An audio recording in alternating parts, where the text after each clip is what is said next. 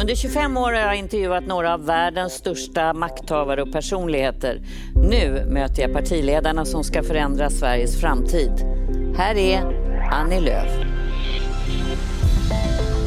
Centerns partiledare är 39 år, uppväxt i byn Maramö i Småland med syskon och föräldrar.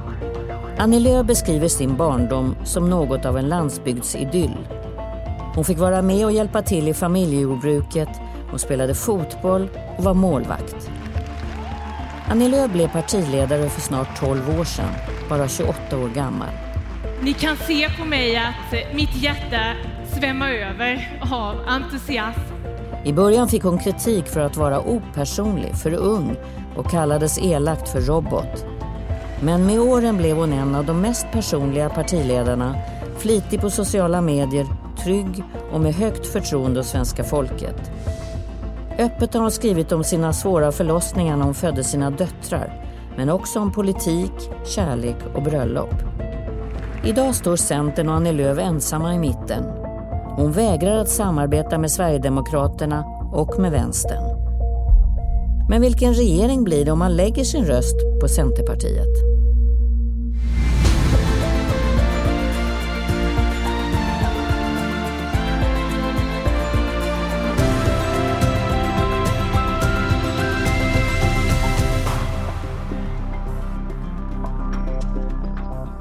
Välkommen hit. Tack så mycket. Annie Lööf. Jag vill fråga dig, vad är den eh, största missuppfattningen om dig? ja, vad kan det vara? Ja, men det är nog att jag säger nej till saker och ting. Jag är ju en positiv optimist som säger ja till samarbete. Eh, ja till att göra skillnad och vara med runt bordet. Så det är oftast det kan jag känna där det står nej drottningen eller liknande. Det är fel. Var kommer det ifrån då? Men jag tror det bottnar sig i att vi har sagt nej till att eh, samarbeta och förhandla med Sverigedemokraterna och har sagt nej till att budgetförhandla med Vänsterpartiet. Men då glömmer man ju bort att vi säger ja till att mm. förhandla och samarbeta med alla andra. Eh, det här är fel uppfattning om dig då, att du är en nej-person? Absolut, jag är en väldigt eh, optimistisk men också samarbetsinriktad person. Det har varit, eh, du har varit partiledare eh, näst längst faktiskt. Mm. Jimmie Åkesson har varit det längre än du, men i 11 år räknade jag ut. Och det här har ju varit, den senaste mandatperioden, är väldigt turbulent. Och jag kan tänka mig att det har varit det både politiskt, det är det vi har sett, men du har också berättat om hur det har varit privat. Mm. Eh, om vi börjar med det politiska, vad tror du väljarna tycker om den här röran som har varit? Den är ju rörig överhuvudtaget. Nej, men jag tror de håller med mig om att det har varit väldigt ovärdigt. Mm. Alltså det har varit polariserat, splittrat. Man har sökt de sämsta sidorna hos sina motståndare snarare än att hitta samsyn. Och dessutom så har det ju varit historiska misstroendeomröstningar som har fällt till och med regeringar under den här mandatperioden. Å andra sidan, och det glömmer man ofta bort, så har det ju faktiskt skett historiska samarbeten under den här mandatperioden alla eh, åtta står nu bakom en kraftig förstärkning till försvaret. Vi har skickat in en NATO-ansökan som fått brett stöd. Vi har hanterat coronapandemin med full uppslutning i stort sett i Sveriges riksdag. Så det man ser av missnöje och osämja, det tycker jag är ovärdigt. Vi behöver samarbeta mer.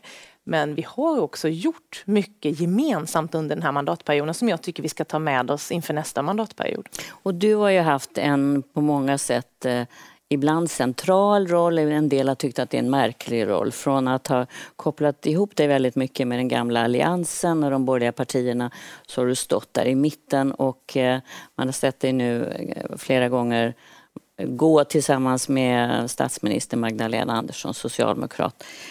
Och en gång så sa du, det får du väl äta upp nu, att du skulle äta upp din gamla sko hellre än att bli stödparti åt Socialdemokraterna. Mm. Det här var ju för ganska många år sedan eh, då vi satt i alliansregering och eh, då vi hade ett bra samarbete inom alliansen då de andra tre inte hade börjat förhandla och samarbeta med Sverigedemokraterna. Och jag hoppas ju fortfarande på att kunna komma tillbaka till den känslan. Men de senaste åren när de andra allianspartierna har bytt sida och gått i lag med Sverigedemokraterna, då har ju vi sagt att nej, men vi står upp för alliansens värderingar och politik vi står stadigt med en politik lutad i mitten och kan tänka oss att samarbeta med både socialdemokrater eh, och med moderater givetvis om de inte förhandlar och samarbetar med SD. Och där står jag stadigt fortsatt. Samtidigt så kan det ju bli ensamt där i mitten därför att, och, och, många väljare som röstar på Centerpartiet eller funderar på att göra det undrar då vad blir det för typ av regering? Blir det en borgerlig, borgerlig regering som man kanske ser det som ett borgerligt parti eller blir det en vänsterregering? Ja, det kommer ju bli förhoppningsvis ett politiskt samarbete där vi är med och påverkar. Det är ju väljarna som slutligen avgör mm. det, men där vår politik får genomslag. Tittar man i det som möjliggjorde alliansen under många år så var det ju för att Moderaterna lutade sin politik i mitten och hade en förmåga att göra upp med Centerpartiet och Liberalerna till exempel. Det var Fredrik Reinfeldt och Anders Borgs tid. Ja men precis, och januariavtalet som vi har haft nu under den här mandatperioden möjliggjordes ju av att Stefan Löfven och Magdalena Andersson valde att luta sin politik åt mitten. Så att vi går ju in med en övertygelse om att samarbete är vägen framåt. Och eh, jag kommer ju att se till att få genomslag för min politik och är öppen för att samarbeta både med S eh, men givetvis också med de andra allianskollegorna så länge de inte också har dörren öppen till SD. Det, det är också så att Vänsterpartiets eh, Nooshi Dadgostar har sagt att hon vill att du ska sätta dig tillsammans med henne och partiet och förhandla men Annie Lööf säger bara nej. Ja, då kommer vi tillbaka till det där igen eh, som vi inledde programmet Den med. missuppfattningen om dig? Ja, alltså Centerpartiet är ju en nyckelspelare i svensk politik och har varit det i många decennier. Eh, och det visar ju att vi har en förmåga att samarbeta både till höger och vänster i svensk politik och att vi tar ansvar för att få på plats både budgetar och regeringar. Eh, och vi gör ju det för att vi vill genomföra en politik som vi tror på. Och då kan man inte inleda kompromisser och förhandlingar med partier som står väldigt långt ifrån varandra. Det finns frågor där vi har förhandlat och samarbetat med Vänsterpartiet genom åren. Energipolitiken är en sådan eh, som vi har gjort upp i eh, innan jag blev partiledare till exempel. För nu framstår du många gånger, är det medias bild eller är det dina politiska motståndares bild av att du är en som stoppar? Ja, verkligen. Stoppar de här olika samarbetena så att det blir låsningar? Nej, jag tror ju på lösningar snarare än låsningar. Och eh, det är ju vi som har möjliggjort att budgetar går igenom riksdagen. Det är vi som möjliggör att när andra partier fäller regeringar och ministrar så har vi sagt stopp och belägg, det här är ett ovärdigt agerande. Mm. Nu ser vi till att eh, förhandla och komma vidare. Så vi har ju stått för det sunda ledarskapet i svensk politik under många år. Men låt mig bara säga, om vi tittar på opinionen nu eller valresultatet som var för förra valet så är det många som säger välj block. Eh, och tittar man då på högersidan. Så det har blivit ett väldigt tydligt högerblock. Ja, men de har ju inte majoritet. Eh, och tittar man på den så kallade vänstersidan mm. eh, och lägger på Centerpartiet där så når den en majoritet med en rösts övervikt. Mm. Så oavsett lag så lärde vi ju ha en mandatperiod nästa efter nästa val som är fortsatt väldigt instabil med en rösts övervikt till en eller annan sida. Vi kan inte ha det så. Utan jag tycker att vi behöver samarbeta bredare så att man vet att man har en stabil regering, så man vet att man får igenom en vettig politik för jämställdhet, landsbygd, klimat. Och då behöver man veta att budgetar går genom riksdagen. Det är ju ändå en ny situation på många sätt eh, i riksdagen så att det är svårt att orientera sig tror jag som väljare. Vi ska gå in lite grann på eh, ideologin som ditt parti står för och du står för. Jag tänkte börja med när man går in på ditt Instagram för du är en av dem som har varit mm. tidig med sociala medier. Du har varit öppen väldigt mycket med sociala medier. Du visar inte dina barns ansikten men du visar dem liten bakifrån. hand och lite ja. hår och sådär. Ja. Eh, och då tänker jag också, det står så här, mamma feminist liberal. Mm. Mamma, det har varit väldigt centralt för dig att uh, vara öppen med en oerhört svår förlossning som du hade. Uh, och det där fick du ju mycket respons kring, från andra kvinnor. Mm. Var det självklart för dig att gå ut och berätta? Kan vi säga då att din lilla dotter föddes alldeles för tidigt. Ja, tre månader för tidigt. Mm. Nej, det var inte alls självklart. Jag mådde ju väldigt dåligt under den mm. perioden. Mm. Det här var ju i december 2019, så det är inte alls länge sedan. Jag mådde både fysiskt och psykiskt dåligt under en ganska lång period och jag var ju tvungen att göra en operation, flera som operationer följde därefter. Väldigt allvarliga operationer. Ja, och i samband med det då var man tvungen att ta ut min dotter som var i vecka 28. Och eh, det är fortfarande ett, alltså ett, ett trauma för mig att prata om. Och första halvåret då när jag var föräldraledig, vi låg ju först tre månader på sjukhus och sen kom vi hem. Då var jag väldigt bestämd på att det här ska jag aldrig prata om. Det här är det mm. mest privata, det ska jag stänga in liksom här inne. Men sen fick jag så mycket stöttande brev, alltså riktiga brev. Jag fick mejl från andra mammor och pappor som hade varit neoföräldrar, alltså till för tidigt födda barn, som hjälpte mig. Eh, och jag gick också i samtal med liksom, psykolog och kuratorer och liksom började själv nysta i detta och insåg att om jag kan hjälpa andra att se att alltså jag också varit i ett sånt trauma och kommit vidare och kommit tillbaka till mitt jobb och mår bra och min dotter mår bra så vill jag gärna bidra till det. Så att när vi fick första medieförfrågningarna efter bara några månader så sa jag definitivt nej. Jag var liksom nej, aldrig.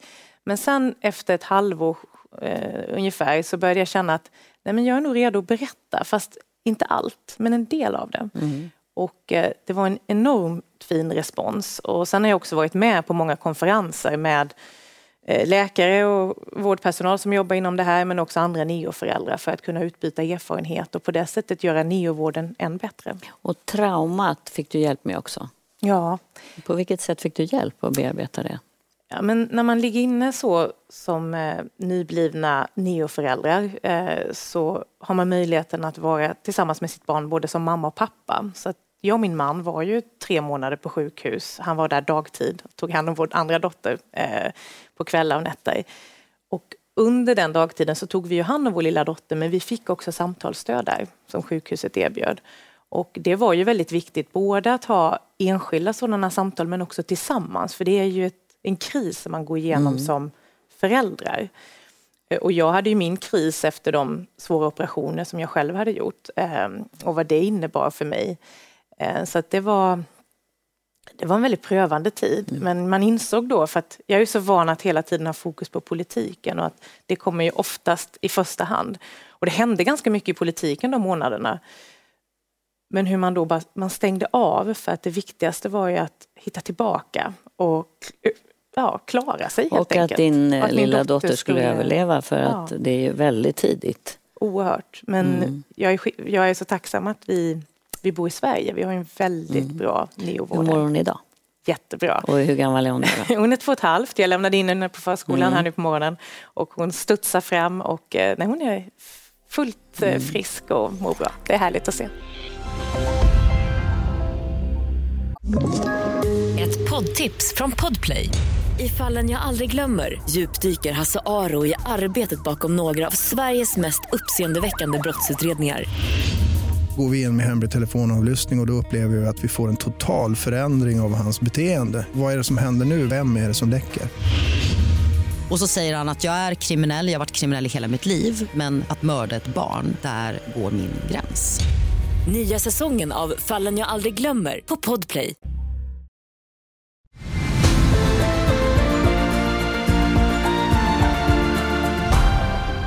Det här är ju ett eh, val att hur mycket ska man berätta om sitt liv? Många människor vill ju veta väldigt mycket om mm. er som partiledare för ni har blivit mer och mer tydliga mm. eh, än vad det var förr i världen. Mm. Eh, du är liksom Centerpartiet, Annie Lööf och Centerpartiet. Ibland kanske ännu mer röstar man på dig än på Centerpartiet. Men, men det, det är ett val man står inför. Du har ju också fått känna på vad det kostar. För alla är ju inte välvilligt inställda. Nej, definitivt inte. Och det är väl baksidan med det här offentliga. Allt, eh, alltså kritik ska man ju ta. Mm. Alltså det är en del av min vardag. Men det finns ju oerhört mycket som jag får som är rent hat. Mycket mm. kvinnohat som kvinnor i alla ledande positioner får. Eh, men det är också... Vad är det för typ av, om dig som person?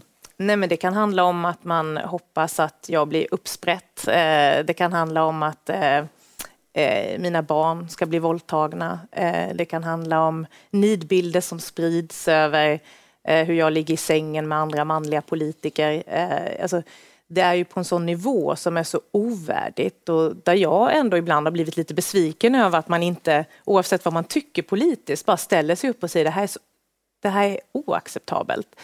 Eh, för det är en stor Vem är man i det här fallet? När man inte ställer sig upp? Så. Alltså, Omgivningen. Ja, omgivningen skulle jag säga, för det här är inte bara jag som drabbas, Nej. det här är ju faktiskt i stort sett alla kvinnor som är politiska ledare eller journalister eller Mm. liknande så är det ju en sexistisk underton i det hat som riktas. Så att, Så när du sitter och förhandlar med, eh, ja tidigare var det ju med Löfven, så va- började det spridas rykten. Nej men det lades ju ut eh, affischer eh, med, liksom, där man ligger under täcket och det var även så under alliansregeringens tid ska jag säga. Eh, då var jag ju enda kvinna och så var det manliga partiledare. Alltså den här eh, sexistiska jargongen över kvinnor som leder eh, är, eh, är beklämmande tycker jag. Men hur hanterar man det då? Hur hanterade du det? För jag menar det är ju, det, man kan ju säga att jag läser inte, jag bryr mig inte men Jag brukar säga det. ja det, det är lätt att säga för jag har ju varit med om Ja. sådana här saker själv. Men Nej, det men- går ju in, eh, Ja, vissa sig saker, in. vissa saker går in, men en del saker lär man ju sig faktiskt att hantera. Mm. Och en nyckel för mig under alla de år jag har varit politiskt aktiv, det är att jag ibland som tänker att det är mig det är min professionella person de är ute efter. Så att jag försöker få en distans till det och det är nog en överlevnadsfaktor Mm. egentligen. Att när jag läser eh, på sociala medier om allt som skrivs, det är också mycket kärlek där ska jag säga, men när jag läser det här eh, hatiska, då försöker jag hitta en, en distans att det är den offentliga Annie man skriver om. Och det är också så jag tänker i den här skillnaden mellan mitt privata jag och mitt Mm. professionella jag. men det kan ju vara illa nog att den offentliga Annie behöver stå Abs- ut med allt det där. Absolut, Som är inte ju. är kritik för ditt Ja, professionella agerande, för Ja. det måste man ju acceptera. Absolut. Nej, men och jag, jag tänker så här att även som jag sa att det är viktigt att berätta om saker man är med om i- vad gäller kvinnosjukdomar eller operationer för att stärka andra kvinnor i motsvarande situation så tror jag att det är viktigt att man lyfter på locket och vågar visa den misogyna liksom, så här, inställning som, som många har och eh, för att faktiskt också komma vidare. Du brukar ringa till pappa. Ja, det gör jag ibland. Och, Alltså, eller ganska ofta ska Kan man säga. säga före detta polis Ja. som kan mycket om just hot och hat. Ja, och han, eh, han följer ju framför allt det här som pappa, ska jag säga. Eh, Men det är ju... Det är bra att ha någon som står en nära, men som ändå har en tillräcklig... Alltså, tillräcklig tydlighet i liksom, när saker och ting går över gränsen. Så här, det här behöver vi polisanmäla eller det här, är liksom, släpp det. Eh, Så att pappa, alla pappor är bra att ha emellanåt. Jag hörde en radiointervju med dig och din pappa där ni båda blev väldigt rörda. Ja, och vet, det här var dagen innan jag hamnade på sjukhus. Den här intervjun spelades in eh, fredagen innan jag hamnade på sjukhus och min yngsta dotter Saga sen kom. Eh, för det kom ju väldigt plötsligt. Eh, men vi spelade in då en radiointervju som hette Far och dotter, tror jag.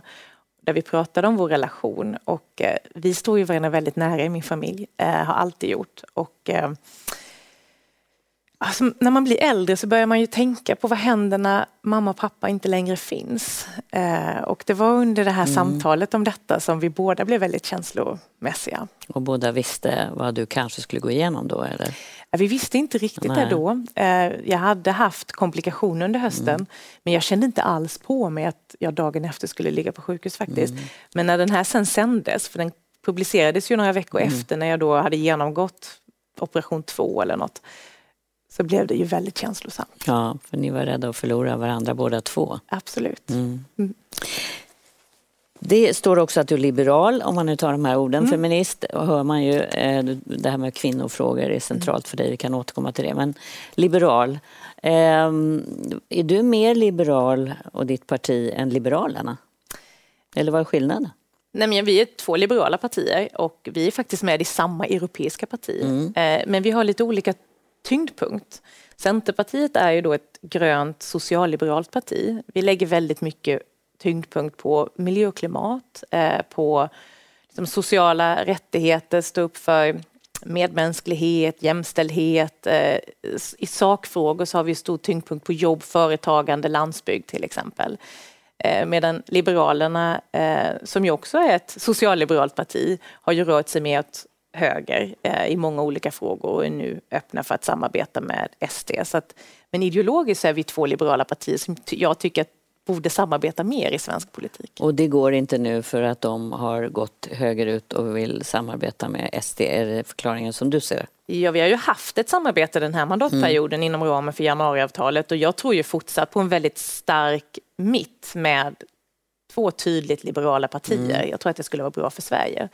Men i vägvalsfrågan, att samarbeta då med ett främlingsfientligt parti som SD, så har vi gjort olika, kommit till olika slutsatser. Mm. Så det är ju egentligen det som är den stora skillnaden. Men eh, varför ska man rösta, om man nu är liberal, varför ska man rösta på Centerpartiet? För att vi står just upp för de liberala värderingarna. Det gör ju de också. Ja, fast de väljer ju att kompromissa med ett uttalat icke-liberalt parti. Mm. Alltså, Sverigedemokraterna går ju till val på att minska liberalismens inflytande. Eh, och det är inte bara de, utan hela den här höger eh, populistiska sfären i världen har ju som uttalat mål att minska den liberala demokratin och de liberala värderingarna. Och jag tycker ju då som liberal partiledare att det måste man stå upp emot.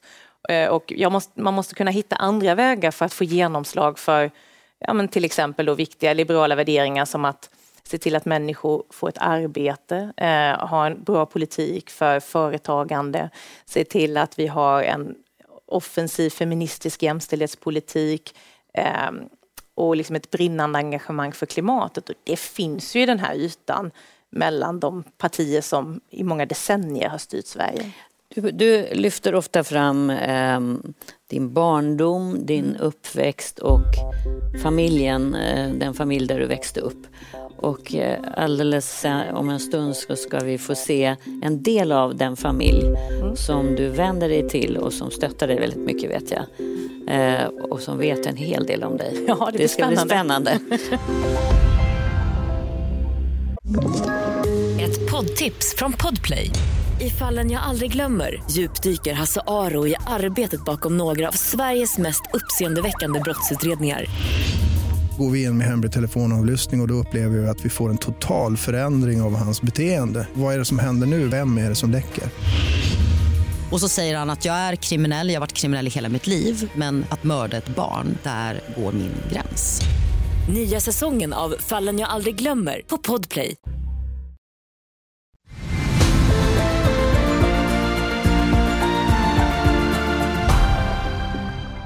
Jag skulle vilja eh, titta mer på eh, ideologi. Om du blev statsminister och så fick du, eh, för Centerpartiet fick styra Sverige. Hur skulle Sverige se ut? Ja, men det skulle bli eh, grönare, friare och tryggare. Eh, det vill säga, vi skulle ha en, eh, en ingång som handlar om att eh, främja företagsamhet, se till att få småföretagen att blomstra både i glesbygd och i städer, se till att Fler människor som idag lever i utanförskap kommer i arbete genom att man lär sig språket och jobbet på jobbet. Att se till att eh, arbeta bort de eh, ojämställda normattityder som finns från förskolan och hela vägen upp i vuxenlivet. Att knäcka mäns våld mot kvinnor, så att öka tryggheten. Och sen handlar det om att se till att skapa rättvisa villkor i hela landet och då är det liksom synen att hela landet behövs och att hela landet kan bidra. Och där har vi såklart mycket sakpolitik, men övergripande då så handlar det om friare, tryggare, mer jämställt eh, för att ta Sverige inåt. Sen är ju jag hoppfull, så att väldigt många andra i svensk politik målar ju samhällsproblemen mörka och det är liksom en framtid som är mörk. Jag ser de problemen, men jag väljer att presentera lösningar och vill måla en hoppfull framtid eh, stå för att Sverige faktiskt är bra, men det kan bli än bättre. Det tror jag är ett politiskt ledarskap som behövs. Och i alla ideologier, eh, när de sen ska omsättas i praktiken och verkligheten, så finns det målkonflikter. Absolut. Och eh, jag tänker till exempel på miljön. Det är intressant när jag har tittat på olika undersökningar så, så är det ju så att S och M, där är förtroendet för den gröna politiken högre än Centerpartiet. Vad är det som gör att ni inte har nått ut med er gröna politik tror du?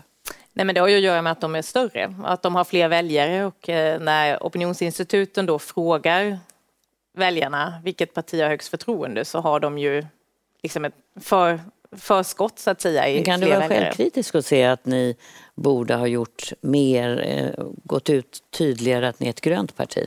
Vi kan göra väldigt mycket mer. Alltså miljö och klimatfrågan är ju vår viktigaste fråga mm. i valet. Eh, det har varit i många val. Förra valet så var det faktiskt så att väljarna tyckte att vi var det bästa partiet på miljö och klimat och dit måste vi tillbaka. Varför har ni tappat det?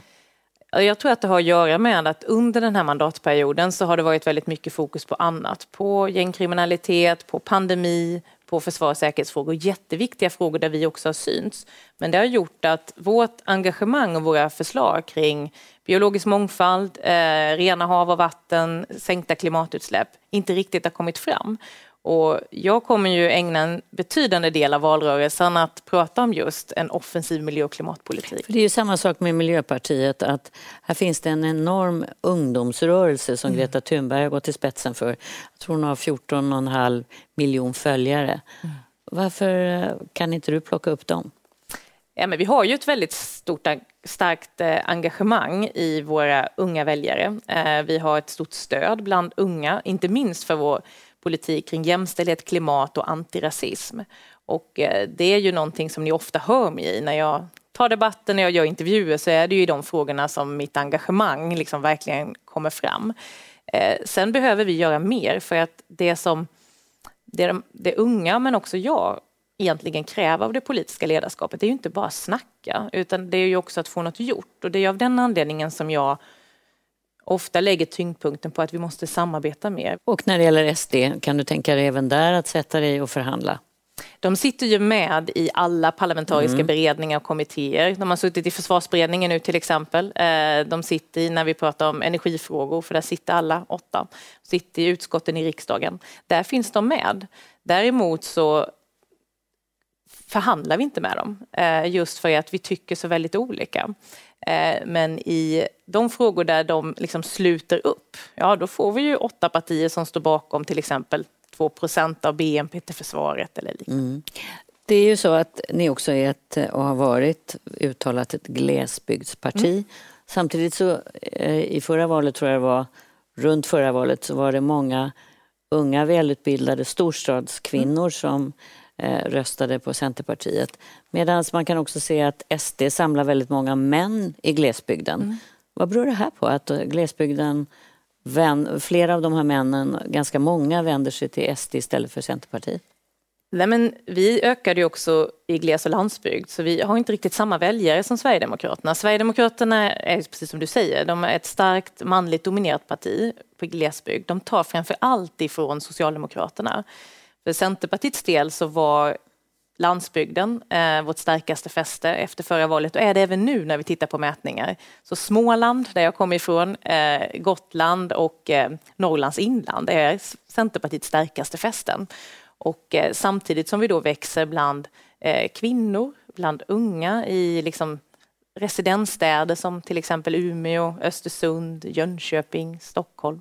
Eh, så att vi klarar av att hålla den balansen. Där. Mm, men ni vill ju bli större som alla andra partier. Mm. Så hur ska man få de som faktiskt ändå röstar på SD i glesbygden att rösta på er istället? Ja det, tror jag, ja, det tror jag är ett för stort steg. Däremot så finns det ju väldigt många män och kvinnor som bor i hela landet som brinner just för rättvisa villkor på landsbygden, en tro på entreprenörskap och småföretagande, som står upp för medmänsklighet och hjälpa de människor som har flytt krig och förtryck och kommit till Åre, till Krokom eller till Värnamo att komma in i språk och jobb som står upp för jämställdhet, som vill ha bra villkor för bönderna.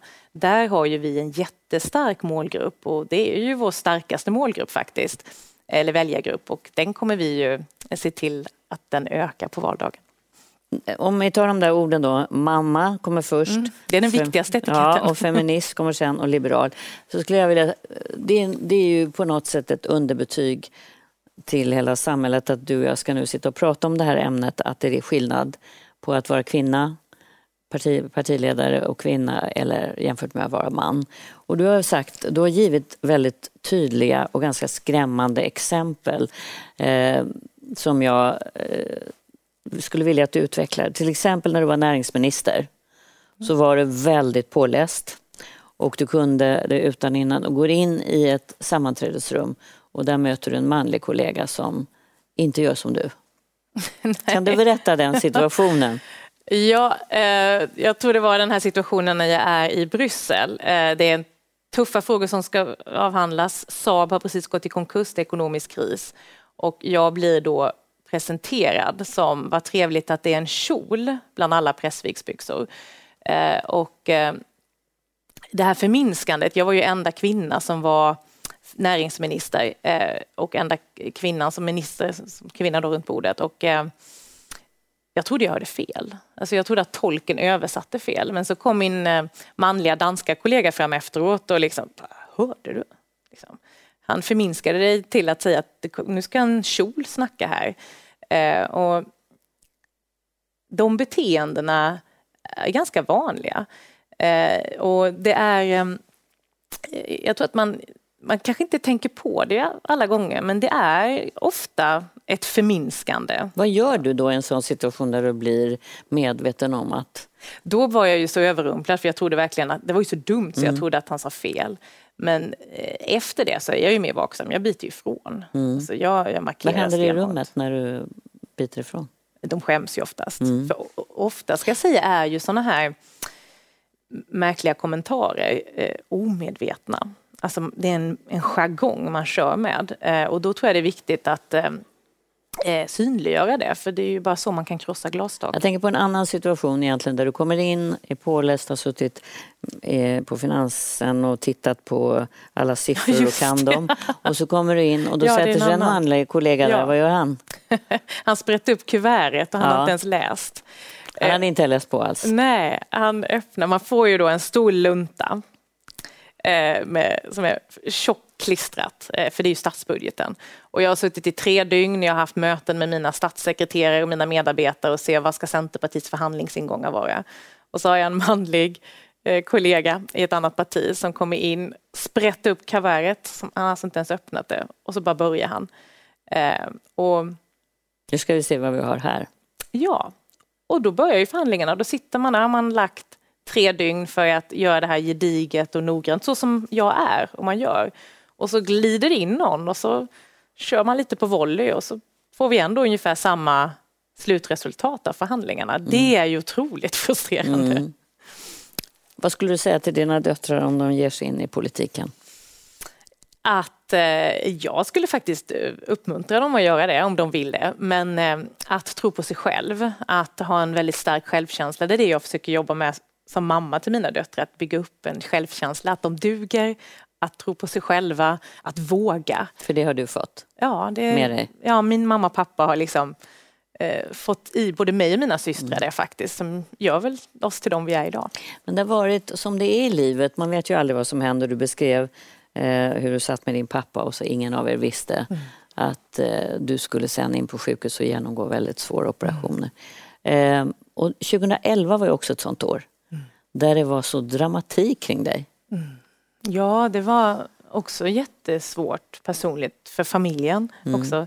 Eh, 2011 blev jag ju partiledare, men det var ju också en sommar då jag eh, dels kandiderade till partiledare, slutförde mina juriststudier, tog ut min juristexamen, skulle gifta mig eh, i juli och eh, dessutom så gick ju min mans båda föräldrar bort det halvåret i cancer och det gick väldigt snabbt och min mans mamma gick bort bara fem dagar innan vårt bröllop.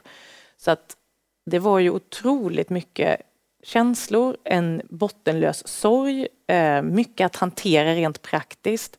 Samtidigt som då den externa världen pockade på och ville ha besked om jag skulle kandidera till mm. partiledare och hur det skulle gå och sådär. Och jag jag tror att man, man stängde liksom av lite. Mm. Man var så, när man var hemma fokuserade man på den privata sorgen som ju alltid finns kvar. Eh, och på jobbet så var man fokuserad på att lösa uppgiften och det funkar ju ett tag.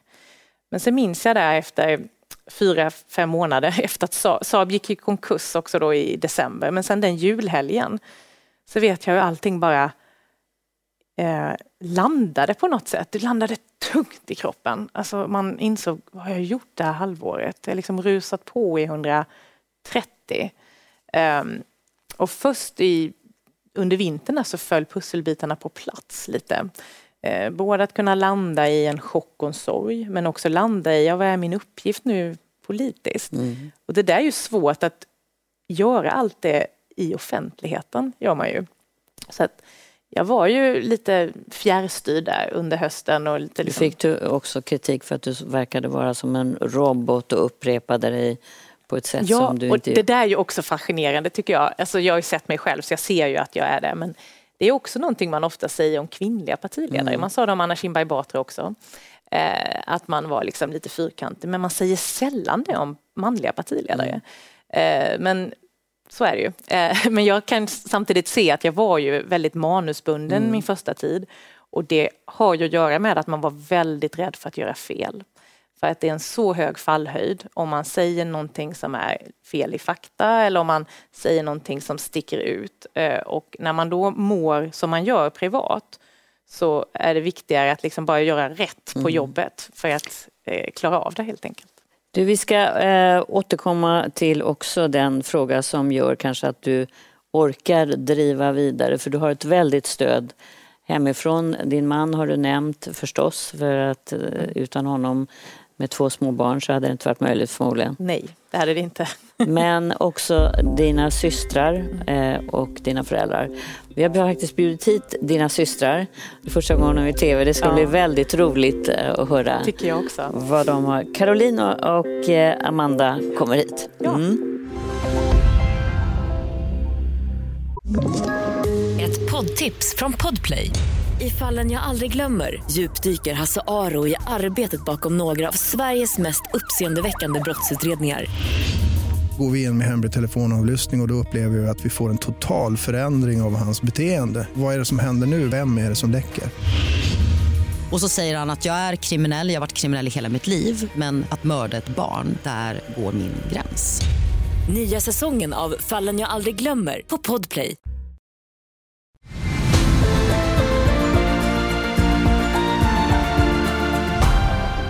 Vad trevligt att ni har kommit hit och eh, jag vet ju att det var ett eh, kanske ett stort beslut att sätta i tv på det här sättet. Mm. Ja, men mm. så är det ju. Vi är ju inte som Annie vana vid att eh, vara i tv varje dag. Mm. Och vad var det som gjorde att ni ville vara med ändå? Nej, men delvis är det ju för att eh, kunna vara med och eh, ge en bild av vår syster eh, från ett annat perspektiv. man får ju ofta bara se Annie i hennes jobbroll eh, och kunna vara med och eh, ge våran systerbild då. Alltså. Mm. Och du är lillsyrran eh, Amanda mm. Johansson och då, om, du är tio år yngre. Precis, nästan på dagen faktiskt. Ja, nästan på dagen. Om du börjar då och beskriva din stora syster, vad skulle du säga? Nej men som sagt, det skiljer ju tio år på oss. Så att, eh, men så fort jag tänker på Annie så tänker jag på en ödmjuk person och vi har ju en väldigt nära relation även om det skiljer tio år på oss. Och eh, en stor förebild som man alltid både kan eh, prata med både i det privata men även i jobbet och vi har som sagt mm. en väldigt nära relation. Vi bollar mycket. Vi bollar mycket, ja precis. Du ringer till dem Annie och frågar saker? Ja, eller de ringer till mig också ja. när de står inför olika saker i livet, mm. jobbbyten eller kärleksproblem eller liknande så eh, kan man ringa. Och mm. Ibland kan jag inte svara direkt men jag ringer ju alltid upp. Eller? Ja. Nu ja, kommer ja. sanningens ögonblick. och Caroline, du heter Gran eh, och där är det närmare i ålder mellan er. Ja, det stämmer precis. Två och ett halvt år. Ja. Så vi har ju varit nära. Har du en annan, eller du kanske har en liknande bild? Eller vad? Ja, men så är det. Jag Annie har ju alltid varit väldigt nära. Vi eh, har ju så liten åldersskillnad så många kompisar som vi har samma och som vi umgås mycket med. Vi har haft samma intressen, spelat fotboll ihop och luftgevärsskytte. Och, mm. och ni bor ju i någonting som jag eh, tror är nästan sinnebilden för eh, Bullerbyn. Och mm. Ni bor ju kvar delvis i den här miljön i mm. Värnamo men Maramö är ju byn, ska man säga det? Mm, ja. Där eh, framförallt er pappas släkt har gårdar, släktgårdar. Mm. Där har ni gått på farmors dagis. Oh, ja, vad är det för någonting? ja, men vad är det? Det är vår farmor Lilian och farfar får vi säga också, ja, båda mm. två. Eh, vi gick där på, på förskola helt enkelt, på dagis. Eh, så där har vi tillsammans våra kusiner eh, varit jättemycket. När man har ni varit delaktiga i jordbruk? Ja, och, ja, vi har satt potatis och vi har varit i laggården och tagit hand om kossorna och grisarna. Mm. Och, eh, alla delar som hör till på en gård. Mm. Mm. Annie berättade ju här nyss om sin pappa och eh, ett väldigt starkt samtal som eh, jag lyssnade på. Jag fick själv tårar i ögonen. Mm. En radiointervju.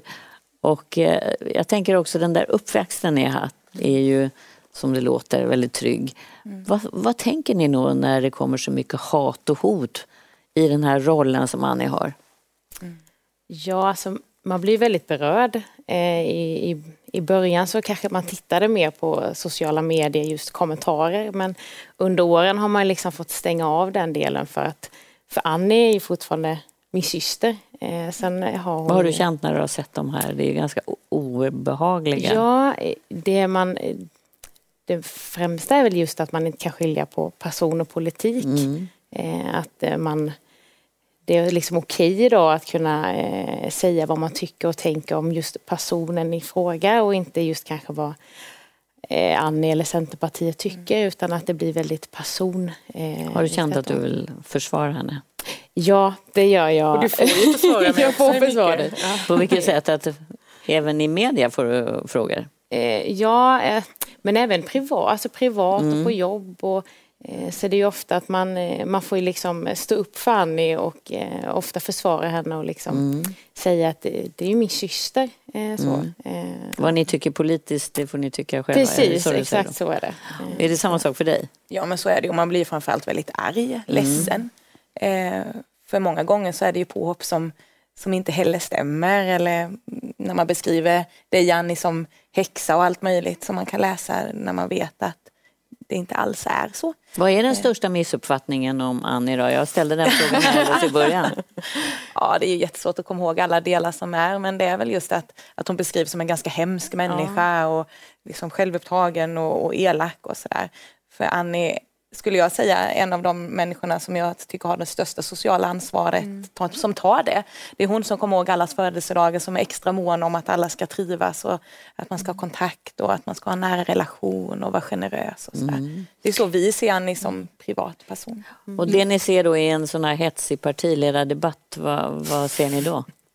Då ser man Ann i sin jobbroll. Ja, för då kan hon ju vara ganska skarp i ja, sina repliker. Och precis. Mm. Ja, men det är, det är liksom det är Ann i sin jobbroll. Och, sen, mm. och så är hon inte hemma. Vi Nej. pratar ju sällan politik faktiskt Aj, hemma. Ja. Så att när, vi, eh, när ni ser mig det är ju sällan jag ringer till er och har en debriefing efter en partiledardebatt. Det tror jag aldrig har hänt. Nej. Utan jag har verkligen uppdelat, det här är jag på jobbet mm. och sen när jag är med familjen och sådär, då pratar vi om andra saker som alla andra gör mm. helt enkelt. Mm.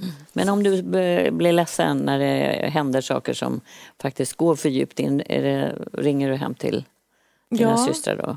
Ja, men det gör jag. Antingen, vi, vi, vi pratas ju flera gånger i veckan. Mm. Eh, så det är klart vi gör, men de viktigaste samtalen tycker jag vi har när vi går ut i skogen tillsammans när jag är hemma i morgon. Vi går ut på Stora Mosse eller vi liksom går ut eh, hemma i familjens skog och mm ja, går runt och pratar. Hur skulle du beskriva dina systrar? För de är ju också i ledande positioner båda två faktiskt. Ja, men vi är ju uppvuxna på samma sätt och det är det jag menar lite det här med att mamma och pappa har ju uppfostrat oss med en väldigt stark självkänsla och vi är ganska trygga alla tre i oss själva. Mm. Vi är ju i ledande positioner alla tre, fast på helt olika ställen. Mm. Alltså, Carolina är ju inom vården och eh, Amanda är inom industrin och, och jag inom politiken. Mm. Och, vi har nog uppfostrats i att liksom våga ta för oss och liksom tro på oss själva och gör, göra det vi verkligen tror på. Och det tror jag förenar oss. Ni satt och lyssnade här tidigare. Är det skillnad på att vara en kvinnlig respektive manlig ledare? Du som har ett ledararbete. Ja, men det skulle jag säga att det är, även är inom vården. Mm. Eh, att det finns en skillnad i hur man blir bemött, hur man förväntas vara påläst, hur man förväntas svara. Eh, att vara en mer ödmjuk och, och liksom, eh, människa som har ett mer socialt spel så, mm. än, än en manlig. Mm. Känner du igen det också i det, Amanda? Ja, det gör jag nog. Så. Ja. Eh. Du jobbar ju inom en väldigt mansdominerad mm. bransch. Ja, det är inom industrin. Ja. Mm. Men alltså det låter så otroligt idylliskt. Där bråkade ni aldrig när ni var små och retade varandra? Och... Det är klart att vi gjorde. Det gör väl alla, tänker jag. Eh, jag tror att vi är precis som en helt... storasyrran. Ja, vi är ju ganska envisa alla tre, mm. så att vi ger oss inte så lätt. Nej. Alltså när jag gifte mig så eh, hade mamma högläsning i en bok som var en hyssbok. Alltså jag gjorde väldigt mycket hyss, alltså, och då gjorde de en hyssbok och skrev ner massa saker som jag gjorde för att man glömmer ju så fort. Mm. Och då var det ju mycket som jag gjorde mot dig. Jag mm. låste in ditt rum och gömde nyckeln och, och liknande. Så jag var nog rätt eh, påhittig mm. när jag var yngre. Och eh, ledde syskonskaran också, låter det som. Lite, Ja, men så är det ju. Annie är ju stora syster. Ja. Sen är vi ju ledare alla tre, mm. men, eh, men vi sa det innan här att hon har också det sociala ansvaret även hemma skulle jag säga. När du styr upp och planerar. Men vi kan ju såklart påverka det också. Hade ni sådana diskussioner hemma, politiska eller samhällsdiskussioner? Var det ett tydligt samtalsämne att ni diskuterade samhällsfrågor eller politik? Nej, inte, med, inte när jag var eh, liten eller i tonåren. Nej. jag flyttade ju hemifrån när Amanda var 8-9 år. Mm. Um, nej, vi har nog aldrig pratat politik. Mm. Däremot så har vi uppmuntrats att vara engagerade. Så att mm. jag, jag var ju mest engagerad i ungdoms, alltså ungdomsparlament och elevråd och sådant. Mm. Fram till jag var, gick i trean på gymnasiet.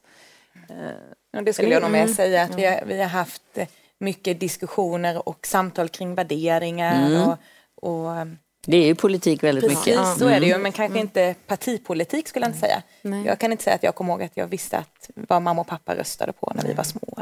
Eller. Jag vet att pappa Hans-Göran han har sagt så här, det tjänar inget till att sitta på läktaren och gasta. Man måste ner på plan och försöka göra mål. Precis, mm. ja. så är det. Och vi spelade ju fotboll alla tre. Mm. Eh, och det säger väl någonting om hur, vår inställning till livet. Alltså att inte vara passiv utan att faktiskt, ja, som man gör när man spelar fotboll, man är med och påverkar spelplanen. Mm. Och man kan inte bara sitta och gnälla. Och det är väl det som vi har fått med oss hemifrån alla mm. tre. Mm. Och sen har vi använt det på olika sätt, eller? Ja, ja jo men har ni samma värderingar? Jag ska inte säga, fråga vad ni röstar på, det brukar man inte göra i Sverige. Nej, Nej precis. Det, Eller ni kanske röstar på syrran, det kanske är öppet. Ja, det är väl öppet skulle jag ha.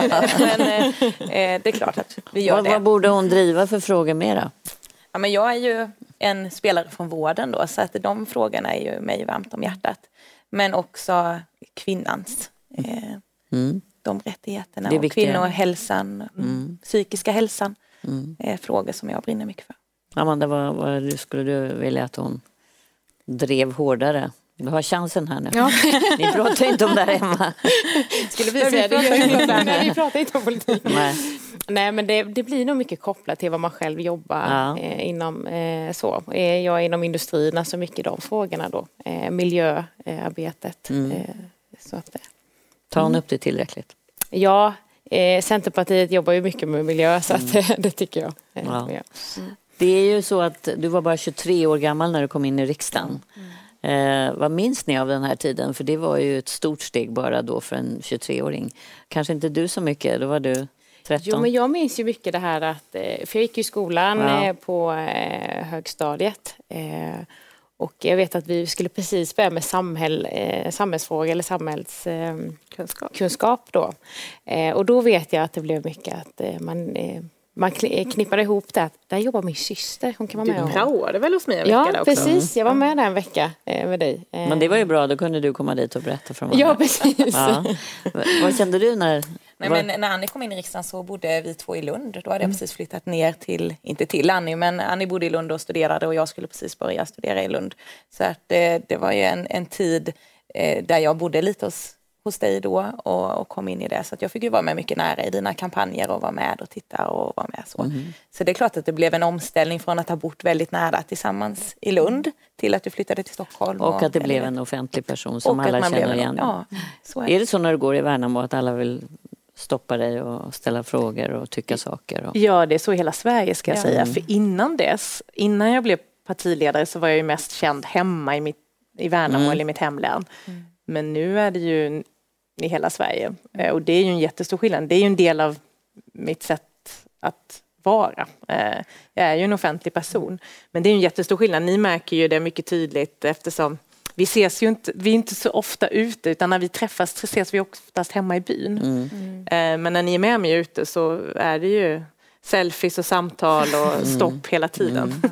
Ja, På ett sätt som det inte var innan. Och hur känns det? Ja, så länge inte vi behöver vara med. Nej, men det är klart att det är en skillnad. Mm. Alltså hela säkerhetsarrangemanget kring mm. Annie och offentliga personer, det är ju något annat än vad vi är vana vid mm. och som inte fanns med innan. Men nu mm. har ju Annie varit engagerad i så, väl, så många år. Mm. Så på något vis så vänjer vi oss vid det arrangemanget eller den säkerheten och mm. den offentligheten som Annie har också. Finns det stunder när du tänker nu får hon sluta så vi får tillbaka henne som hon var?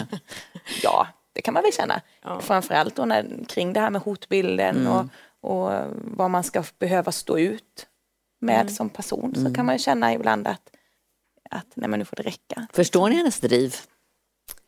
Att förändra? Ja, och jag brukar säga det när folk frågar, så oavsett partifärg så ska vi vara glada och stolta att det finns människor i det här landet som faktiskt vill och som står upp eh, och som mm. orkar det eh, oavsett vilken färg man har mm. politiskt.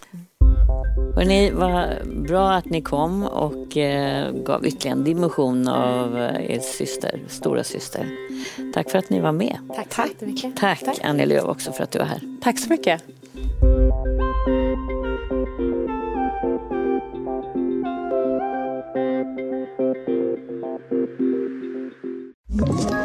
Ett poddtips från Podplay. I fallen jag aldrig glömmer djupdyker Hasse Aro i arbetet bakom några av Sveriges mest uppseendeväckande brottsutredningar. Går vi in med hemlig telefonavlyssning och, och då upplever vi att vi får en total förändring av hans beteende. Vad är det som händer nu? Vem är det som läcker? Och så säger han att jag är kriminell, jag har varit kriminell i hela mitt liv men att mörda ett barn, där går min gräns. Nya säsongen av Fallen jag aldrig glömmer på Podplay.